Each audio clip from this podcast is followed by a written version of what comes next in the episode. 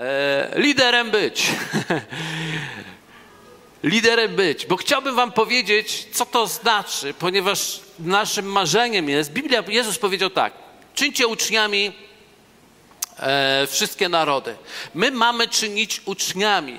E, kiedy my słowo uczeń słyszymy, no to my słyszymy i widzimy od razu tą osobę, która siedzi w ławce i jest uczniem e, i nauczyciel, który do niego mówi. I wtedy jak mówię uczniami być, aha, no to mam całe życie siedzieć w ławce. Nie, to nie jest prawda.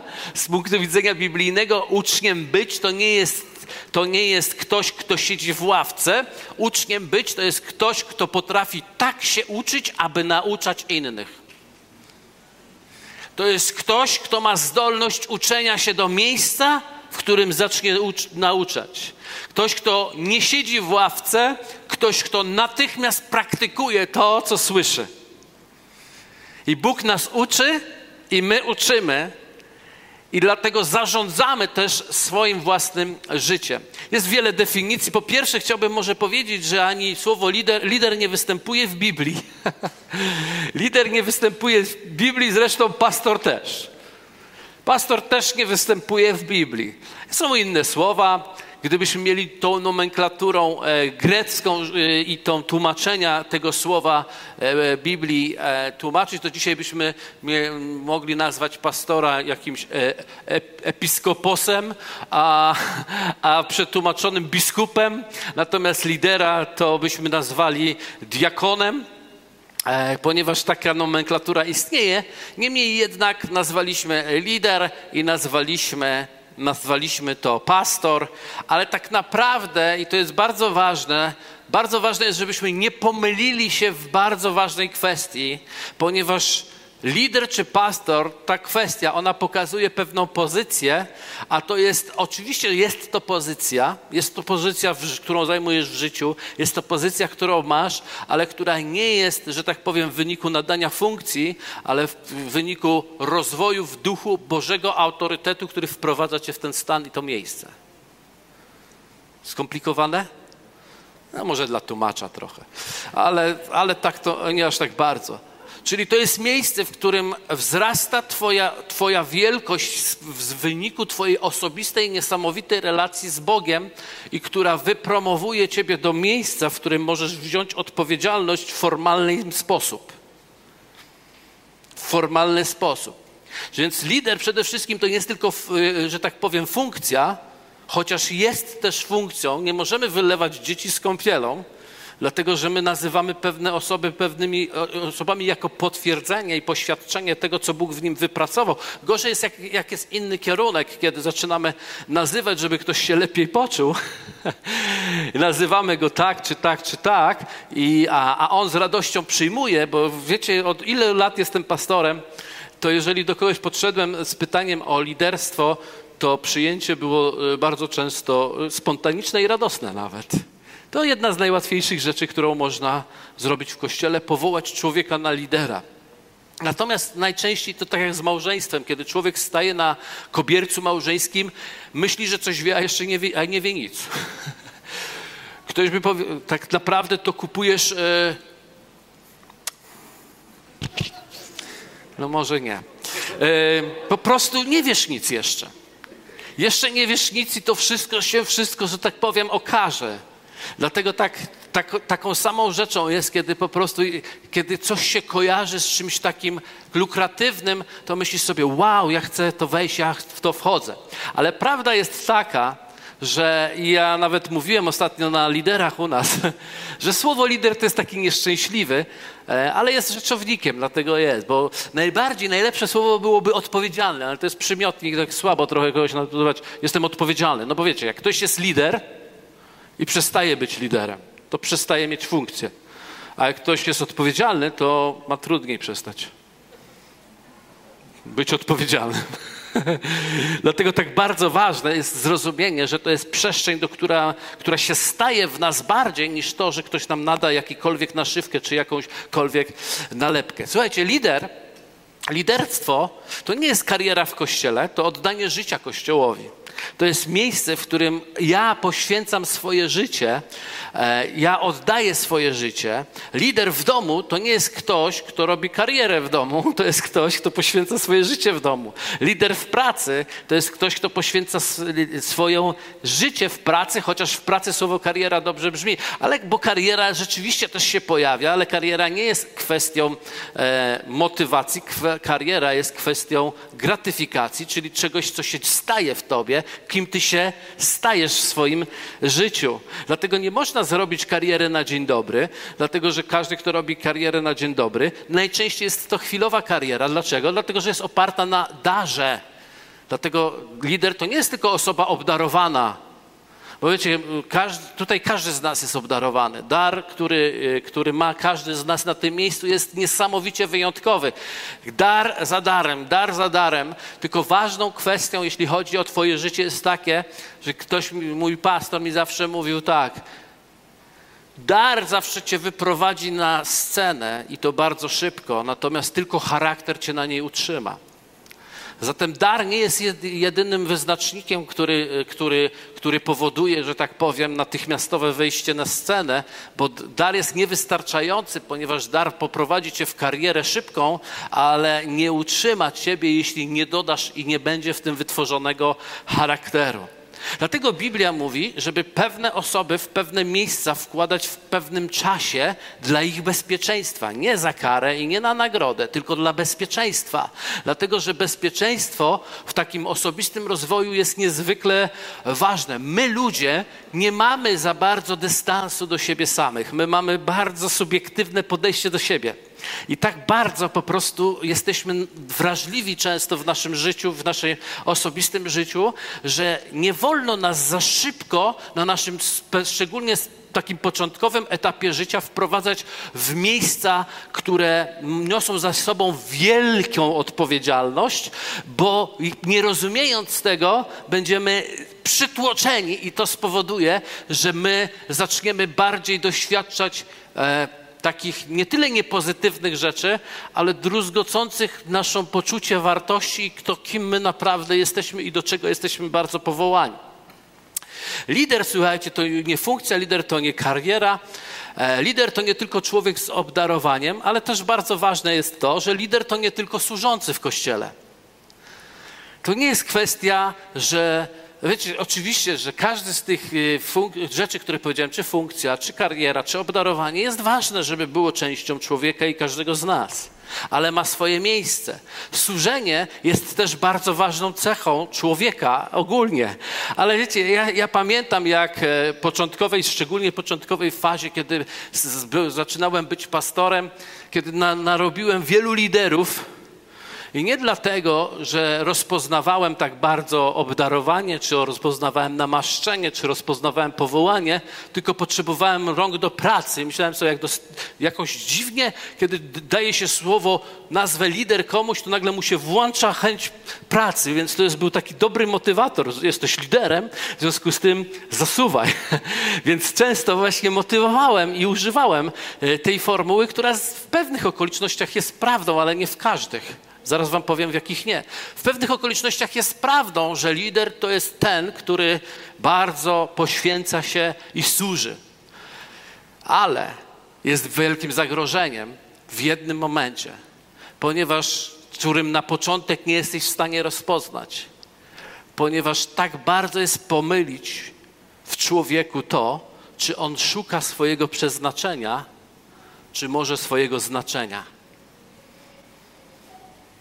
To jest literówka mojej żony, tak? Przeznaczenie, znaczenie, tak? Jedna litera, tak? Czy tam, czy tam jeden, jeden człon, a zmienia wszystko. Znaczenie czy przeznaczenie. Bóg powołał cię, żebyśmy odkryli nasze swoje przeznaczenie. Tymczasem my, szczególnie jeśli mamy, nie mamy dużego doświadczenia, zaczynamy szukać znaczenia, bo to jest coś, co nas po ludzku pociąga, żeby znaczyć coś. Chcemy coś znaczyć, co jest w pewnym sensie i dobre, ale wiecie, Twoje znaczenie jest proporcjonalne do odkrycia Twojego przeznaczenia. Więc jeżeli jest ludź, ludź który służy i oddał całe swoje życie, aby zasuwać To jest piękne tylko pod warunkiem, czy on tą swoją służbą wydeptuje swoje przeznaczenie, czy raczej szuka swojego znaczenia.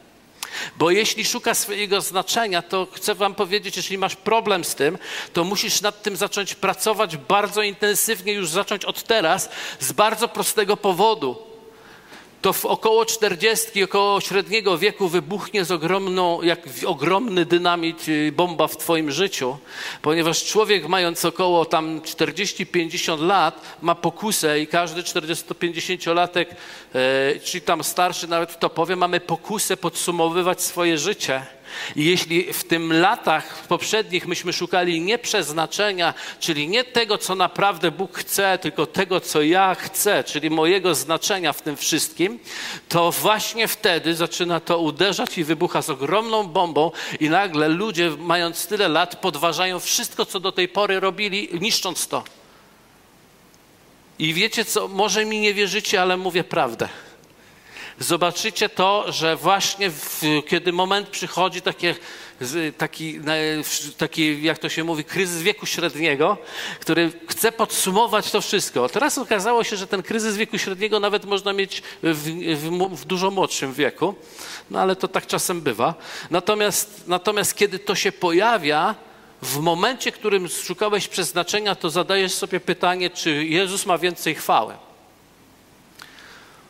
Jeśli pojawia się podsumowanie życia, a ty szukałeś znaczenia, wtedy, pytanie jest, czy ja mam więcej chwały.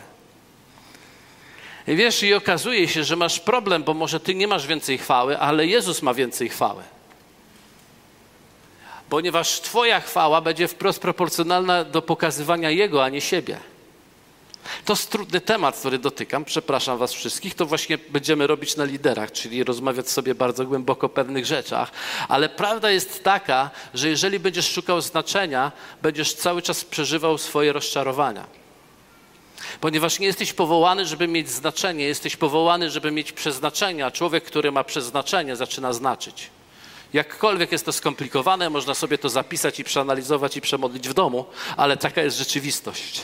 Przeznaczenie jest fundamentalne. Przeznaczenie to jest to, do czego Bóg Ciebie wzywa, i przeznaczenie to jest to, w którym odnajdziesz e, e, swoje miejsce, które będzie Twoim spełnieniem. Na początku tego nie wiemy, bo na początku musimy przejść ten egzamin wewnątrz nas, w którym czujemy, że potrzebujemy wycofać siebie, swoje imię, swoje nazwisko i dać Jego imię i Jego nazwisko Jezus Chrystus.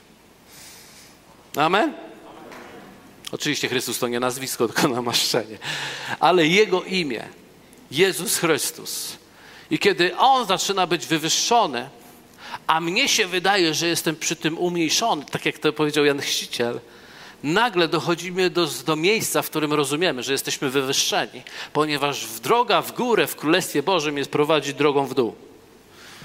Wiem, że trudno, ale można zapisać, rozważyć w domu. W Królestwie Bożym szczyt osiąga się idąc w dół, a nie w górę. A milczenie to traktuje jako głęboką refleksję. Amen.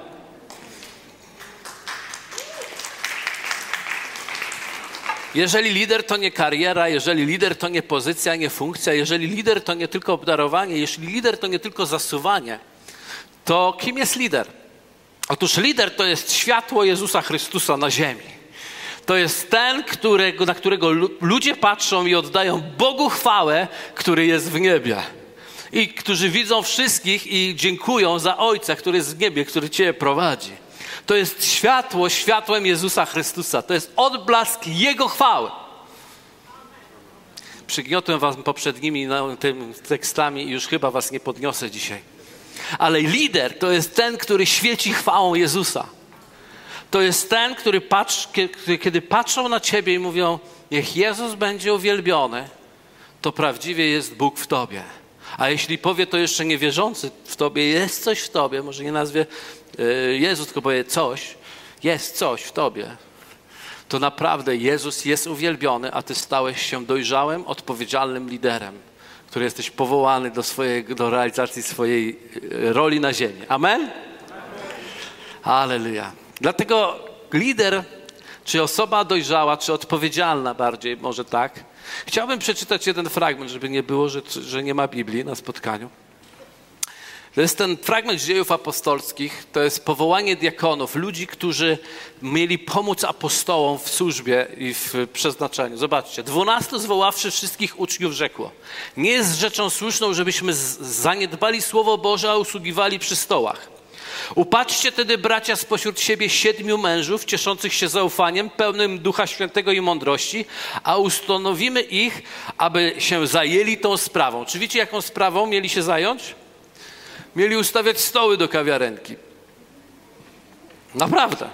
Mieli poustawiać stoły, mieli roz, być kelnerować, usługiwać przy tych stołach, przynosić chleba, przynosić pożywienia, sprawiać, żeby ludzie się czuli świetnie. Witamy Was serdecznie w kościele w Jerozolimie. E, cieszymy się, że nas odwiedziliście. Aleluja i do przodu. Wydawałoby się, wydawałoby się, że właściwie każdy do tego się nadaje. Okazuje się, że nie. Okazuje się, że apostołowie poprosili o swoich uczniów, aby podjęli pewne działanie, które ma za zadanie rozeznania. Oni mieli rozeznać dwie rzeczy. Musieli być, po pierwsze, słuchajcie, pełni ducha, a po drugie, musieli być pełni mądrości. Mieli być pełni ducha i pełni mądrości. Bardzo ważne sformułowanie. Powiedzmy razem pełny ducha. To oznacza, że nie mógł mieć tylko ducha, musiał mieć pełne ducha. Co to oznacza?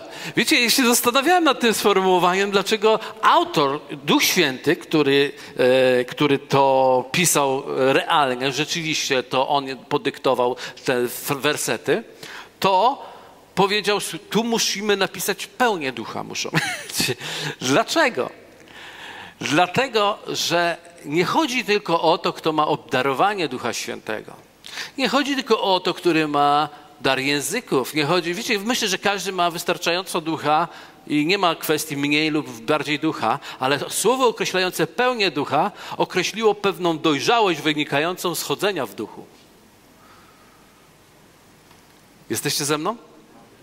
Ta dojrzałość, ona wytworzyła coś, co się nazywa owoc ducha. Kiedy ja sobie myślę o pełni ducha, to nie myślę o tym tylko, że chodzę, uzdrawiam chorych, czy mówię językami lub jakiekolwiek rzeczy związane z charyzmatami Ducha Świętego, darami Ducha Świętego, ale sobie myślę, że mam owoc ducha, którym jest miłość, radość, cierpliwość, pokój, opanowanie, łaskawość. Te wszystkie elementy, które tworzą mój, mój charakter. Nie wiem, czy ilu z Was zauważyło, że owoc ducha nie jest jedynie darem od Ducha Świętego. Owoc ducha jest wypracowaną współpracą moją w Duchu Świętym z moją pracą nad sobą. Dwie rzeczy włączam w moim życiu: praca nad sobą i działanie Ducha Świętego. Z jednej strony nie moją, lecz Jego siłą, ale z drugiej strony nie moją lekceważeniem, lecz moją odpowiedzialnością. Czyli to jest praca, którą wykonuję, więc oni musieli zobaczyć, tak wszyscy uczniowie byli napełnieni Duchem Świętym, ale niektórzy z nich byli pełni. Niektórzy z nich przepracowali coś. Niektórzy z nich wy, wypracowali coś, co można by powiedzieć miłość. E, patrząc na nich radość, pokój, cierpliwość, opanowanie, łagodność i wszystkie elementy, które tworzą, że wytwarzamy niesamowity klimat w nas, gdzie nie zagnieździ się w nas żaden dziad, ponieważ Duch Święty wypełnia moje życie. Tylko po to, żeby podać kawę do stołu. Hmm. I druga rzecz, pełni mądrości.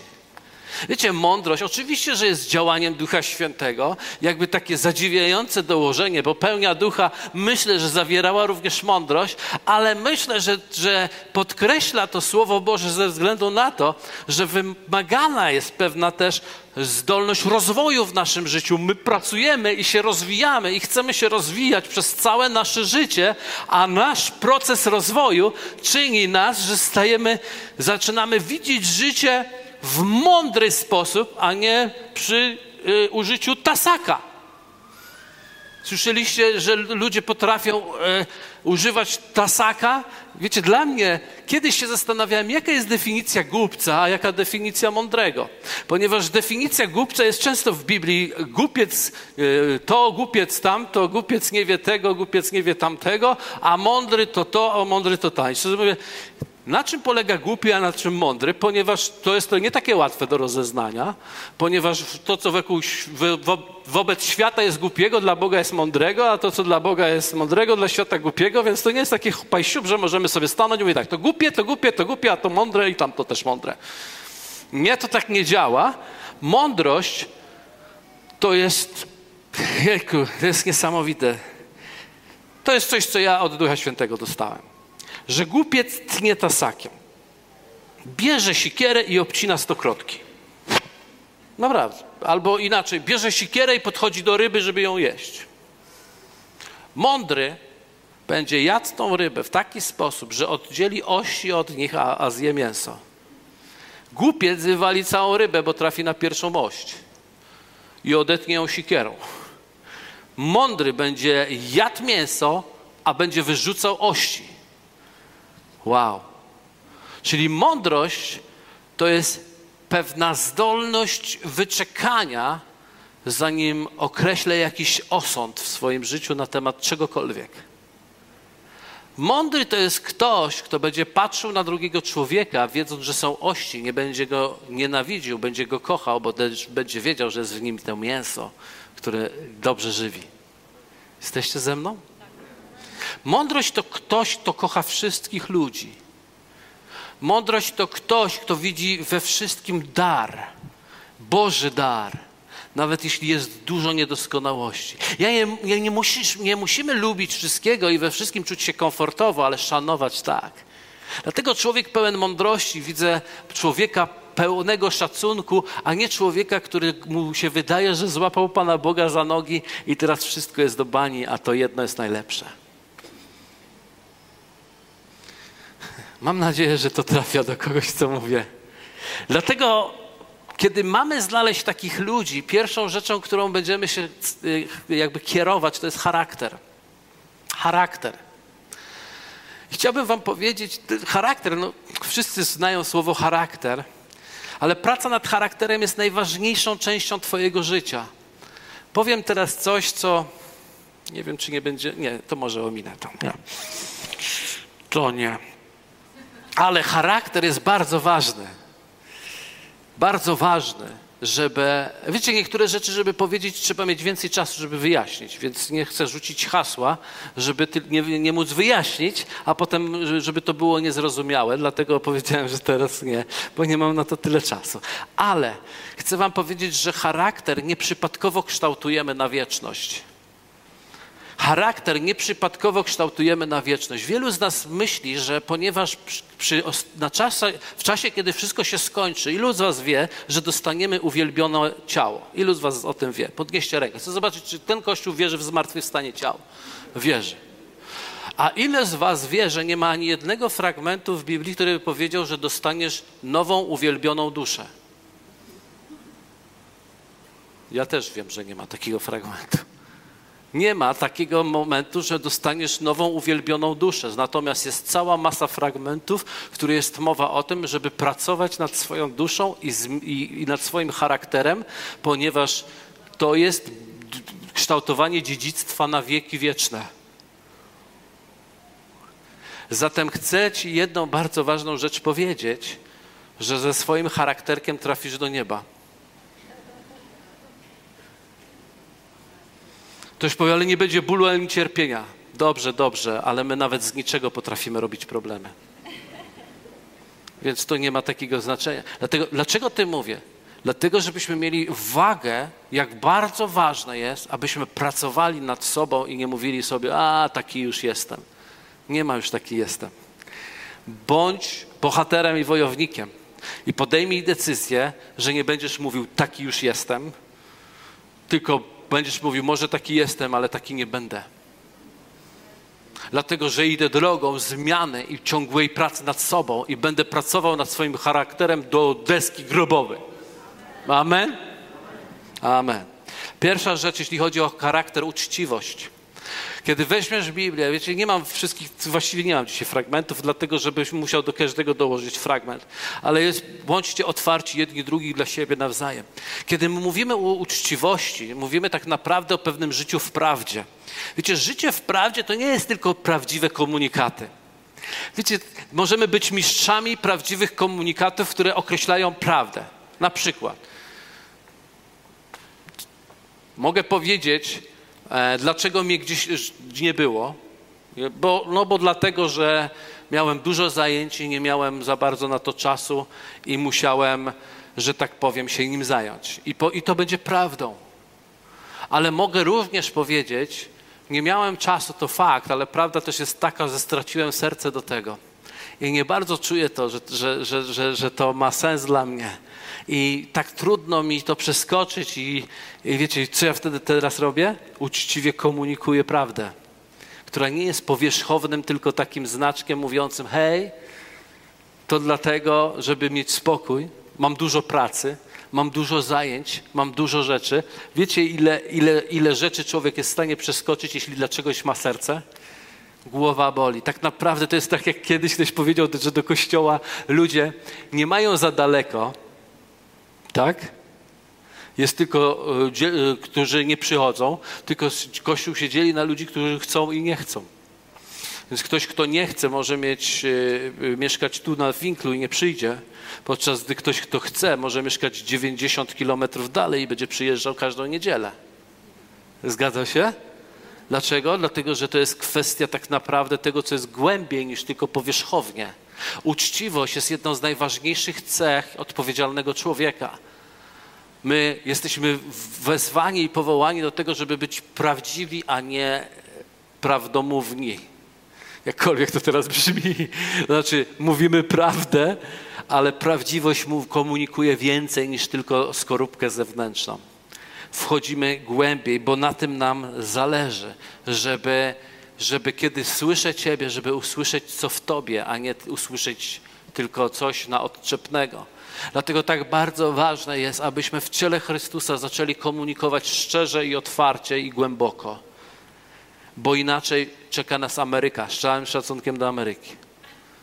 Ale czeka nas Ameryka, bo wiecie, no, a nie, dobra, nie będę też w to wchodził. Bardzo dziękuję Bogu za wszystko, co amerykańskie. Integralność to jest kolejna cecha, która jest niezwykle ważna i niezwykle niezbędna w życiu dojrzałego człowieka i odpowiedzialnego, czyli zgodność tego, co się mówi, z tym, co się robi. Wiecie, ludzie nigdy nie słuchają tego, co mówisz, ludzie słyszą to, co robisz. Albo inaczej, ludzie nie słyszą to, co mówisz, bo to, co robisz, zagłusza im to, to, to co robisz, im to zagłusza. Ponieważ tak jak z dziećmi, my możemy dzieciom naszym mówić, żeby były takie, takie, zrobiły to i tak, a one i tak zrobią to, kim my jesteśmy. I tak zrobią to, co my robimy. Bo wszyscy uczymy się przez naśladownictwo, dlatego tak bardzo ważne jest, że to, co kiedy wypowiadamy, żeby było integralne z tym, co robimy. Nie możesz mieć jednej opinii, a robić drugiego. Musisz mieć tą samą opinię. Kolejna rzecz to jest stabilność. Każdy potrzebuje ludzi w swoim życiu wokół siebie, którzy będą tworzyli poczucie bezpieczeństwa przez stabilność, przez pewność, że kiedy dzisiaj Ciebie spotkam, to spotkam Ciebie wciąż w tym miejscu ognia, wciąż w tym miejscu Twojej odpowiedzialności za życie, wciąż w tym miejscu dojrzałości i wciąż tym zrozumieniem, że nie będziesz osobą, która będzie wmiotana falą emocji Oczywiście ktoś powie, no ale emocje są. Tak, są. Ja je osobiście bardzo doświadczam. Ale powiem Wam szczerze, miłość do drugiego człowieka zobowiązuje mnie dzisiaj do tego, żebym zamknął się w swoim pokoju, pomodlił się i szukał odpowiedzi Bożej, zanim wyjdę do ludzi z tym, co mam. Ponieważ nie mogę częstować ludzi swoimi emocjami, ani po prostu przez spotkania z nimi, ani poprzez Facebooki i inne komunikatory. Muszę nauczyć się zdobywać swój stan emocjonalny w Bożym pokoju i darzyć świat tym. Dlaczego? Dlatego, że Bóg powołał mnie do miłości drugiego człowieka. Słuchajcie, dajcie mi chociaż znak taki, że to się zgadza z wami, tak? Okej. Okay. Wytrwałość Wytrwałość to jest zdolność pokonywania trudności. Potrzebujemy stawać się do takiego miejsca dojrzali, żeby trudności nas nie wybijały z naszej odpowiedzialności, z naszej stabilności naszego życia. Potrzebujemy nauczyć się pokonywać je i właśnie dokładnie wracać do tych naszych pokoi i tam rozprawiać się z rzeczami, które nas zatrzymywały. Kolejną rzeczą jest rzetelność. To znaczy, że ja do swojej pracy dołożę więcej niż to, co ode mnie oczekują. Jeżeli ktoś ci mówi, idziesz jedną milę, ty idź dwie mile ze względu na to, kim jesteś, a nie ze względu na to, żeby szukać znaczenia. Ze względu na to, że to jest twoje przeznaczenie. Ty zaczynasz dokładać do tego, co robisz, coś doskonałego.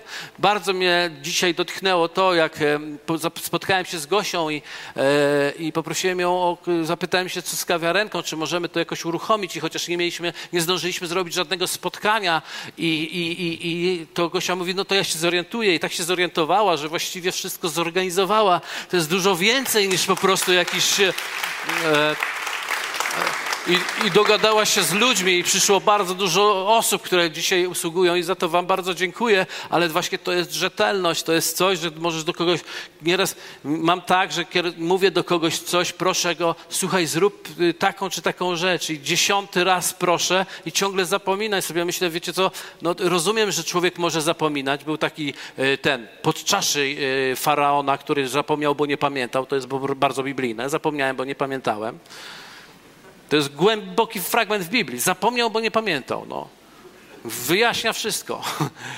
Ale wiecie, ale prawda jest taka, że brakuje rzetelności w tym, bo rzetelność zapamiętuje, rzetelność odpowiada, rzetelność reaguje, rzetelność pilnuje i przypomina, rzetelność wpisuje sobie przypomnienia do komórek. Amen?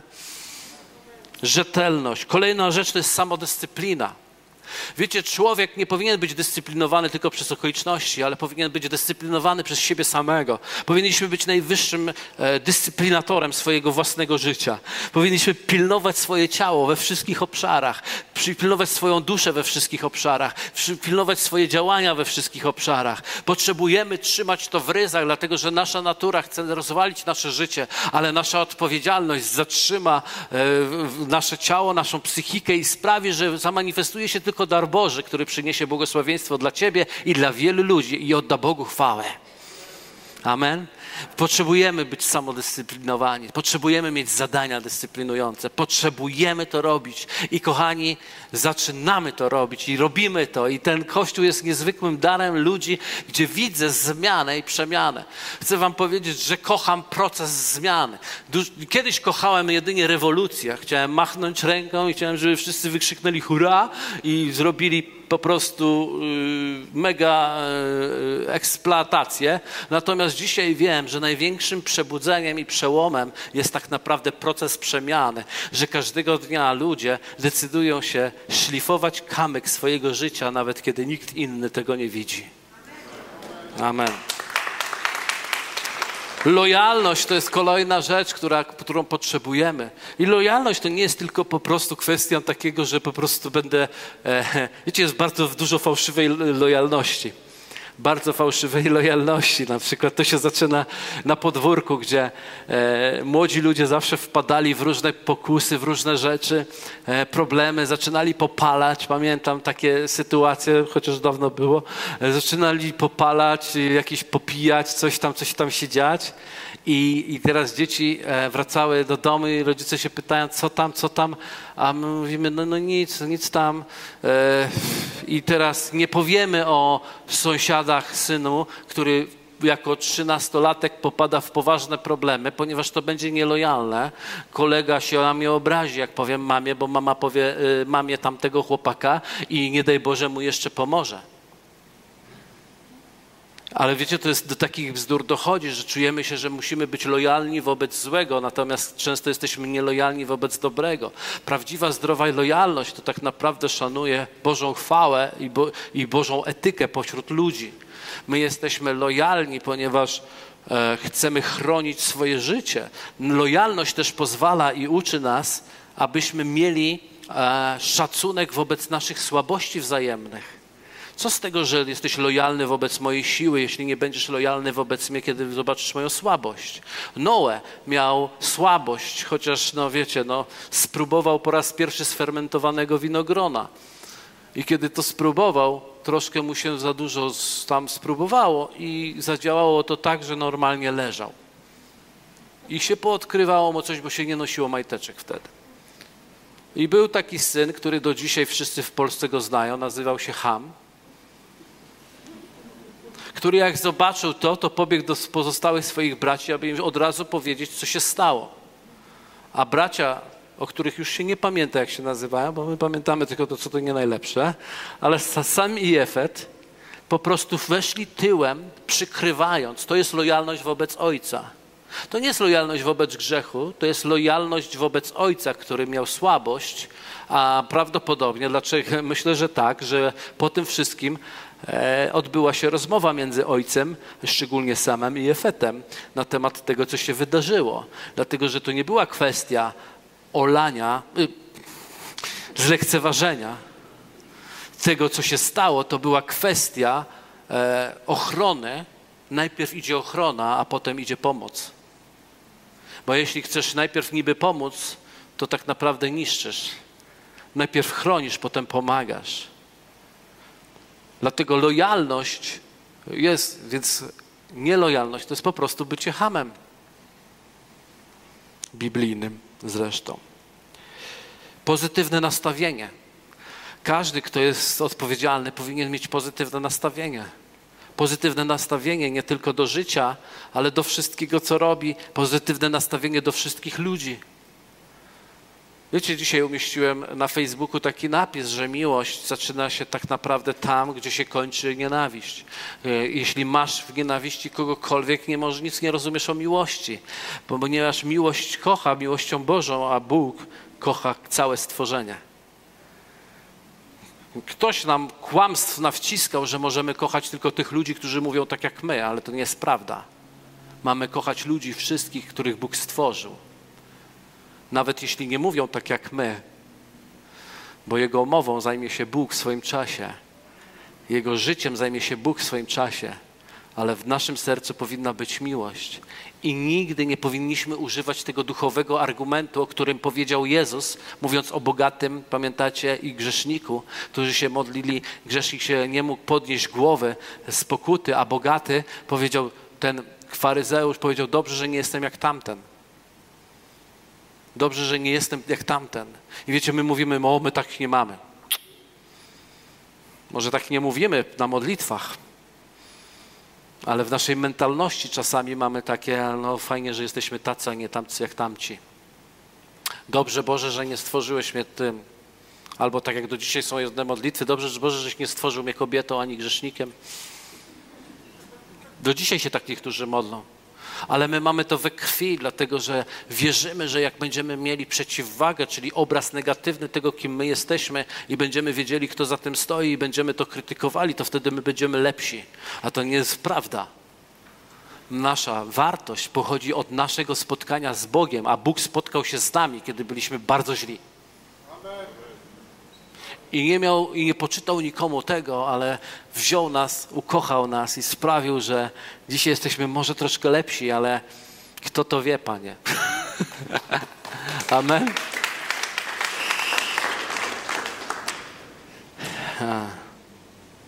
Służebność. Służebność to nie jest tylko służba. Służebność to jest zdolność służenia ludziom wokół nas. Służebność to jest pomaganie dookoła. Gdziekolwiek widzisz, tam pomagasz. To jest służebność. Służebność właściwie zakończy, kończy się tam, gdzie się służby kończą w kościele. Bo służebność to jest coś, co wnosisz z serca swojego i, i, wynika to z widocznego gdzieś w tobie samego zgrzytu, że to trzeba pomóc, a nie dlatego, że ty masz jakąkolwiek służbę. Dlatego człowiek odpowiedzialny będzie służebny i będzie dostrzegał problem i będzie sługą nawet wtedy, kiedy służby się skończą. Niezadowolenie z zastoju to jest osoba, która nie zadowala się status quo, ale wciąż pragnie rozwoju w swoim życiu. Nie po to, żeby mieć znaczenie, ale po to, żeby wypełnić swoje przeznaczenie. Hojność to jest dawanie, dawanie Bogu, dawanie ludziom, to jest manifestacja Bożego charakteru. Kiedy stajesz się hojnym, to zaczynasz być bardzo podobny do Boga, bo to Bóg stał się tak naprawdę najhojniejszym kimś na całym, w całym twoim życiu. Któregoś dnia przesadził i oddał nawet swojego syna, jak to ktoś kiedyś powiedział. I słuchajcie, i wdzięczność, wow. Wdzięczność to jest coś, co jest niesamowitą dojrzałością. Ktoś powie, no jak, nie potrzeba wdzięczności, dojrzałości do wdzięczności, no bo jeżeli dostanę coś fajnego, jak coś fajnego dostanę, to wtedy będę wdzięczny, więc jaka to dojrzałość? Nie, rzeczywiście nie wymaga dojrzałości wdzięczność, kiedy dostaniesz coś fajnego. Dos wymaga dojrzałości wdzięczność, kiedy to będziesz dostawał każdego dnia i już nie będzie tak cieszyło, bo będzie stanie, wejdzie do tak zwanej szafy twojego życia pod tytułem to mi się należy. I wtedy wymaga to dojrzałości, żeby wciąż być od tego wdzięcznym. Wdzięczność to nie jest dziękować Bogu, że ma się żonę w noc poślubną. Wdzięczność to jest dziękować z nią do nas po 50 latach małżeństwa. Amen. I kiedy masz taki charakter wzmocniony, wtedy możesz zacząć myśleć o wpływie jako cecha, cecha lidera, jako coś, co, co masz, ale człowiek z charakterem zawsze będzie miał wpływ. Nie może mieć charakteru, o którym mówiliśmy, i nie wywierać wpływu. Zaczniesz natychmiast wywierać wpływ, i ten wpływ będzie pochodził z autorytetu wypracowanego w charakterze, a nie z funkcji, którą dostałeś. Nie wiem, ilu z Was oglądało jeden z najpiękniejszych filmów na świecie. Przepraszam, że ja w kościele o filmach mówię ale jeden z najpiękniejszych filmów na świecie, jest mój ulubiony, więc na pewno już tutaj niektórzy słyszeli to po 50 razy. I to, I to jest film nie o Panu Jezusie. To jest film Ostatni Bastion. Film Ostatni Bastion pokazuje w cudowny sposób, to jest o więzieniu film, taki, taki wiecie, dla facetów trochę film, ale to jest film, który pokazuje niesamowicie różnicę między przywództwem z funkcji, a przywództwem z charakteru. To jest film, który powinni oglądać wszyscy liderzy i którzy powinni zobaczyć, że, że autorytet jest budowany przez charakter i kiedy funkcjonujesz w liderstwie jako, jako w charakterze Bożym, to on ci jest dodawany. Autorytet jest dodawany. A jak masz tylko funkcję, a nie masz charakteru, to im bardziej używasz tego swojego liderstwa, to jest jak mydło, im bardziej używasz, tym bardziej się wymydla i jest go mniej. Więc wpływ jest czymś, co przychodzi z powodu chodzenia w Bożym charakterze. Obdarowanie oczywiście, że jest ważne. Bóg dał ci obdarowanie, żebyśmy je używali, ale tylko właśnie w kontekście charakteru obdarowanie może bardzo wzrastać i się rozwijać. A nawet jeśli go nie masz, to jeśli masz charakter, wszystkiego możesz się nauczyć. Lepszy jest ten, który śpiewa jakoś i sprowadza Boga na ziemię, niż ten, który śpiewa petarda i nie sprowadza nic na ziemię. Nie przemówiło, wiadomo. Ale taka jest prawda. Jest taka prawda. Dlatego nie dar tak naprawdę jest numer jeden, tylko to, co, co jest w tobie, jest numer jeden, a potem przychodzi wszystko, cała reszta. Jesteście ze mną?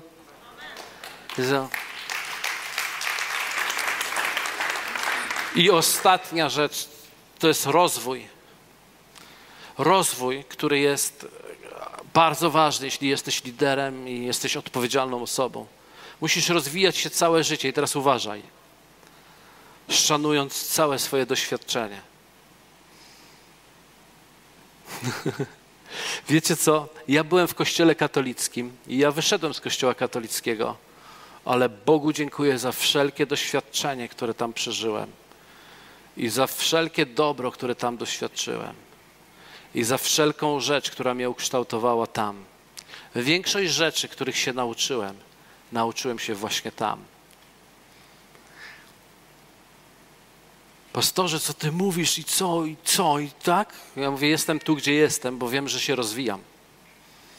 Ale nie mogę zapomnieć to, co, gdzie byłem i nie zapominam niczego, czego się uczyłem, ponieważ nie muszę degradować wszystkiego, co doświadczyłem, żeby dzisiaj udowodnić, że w końcu jestem w tym, co jestem.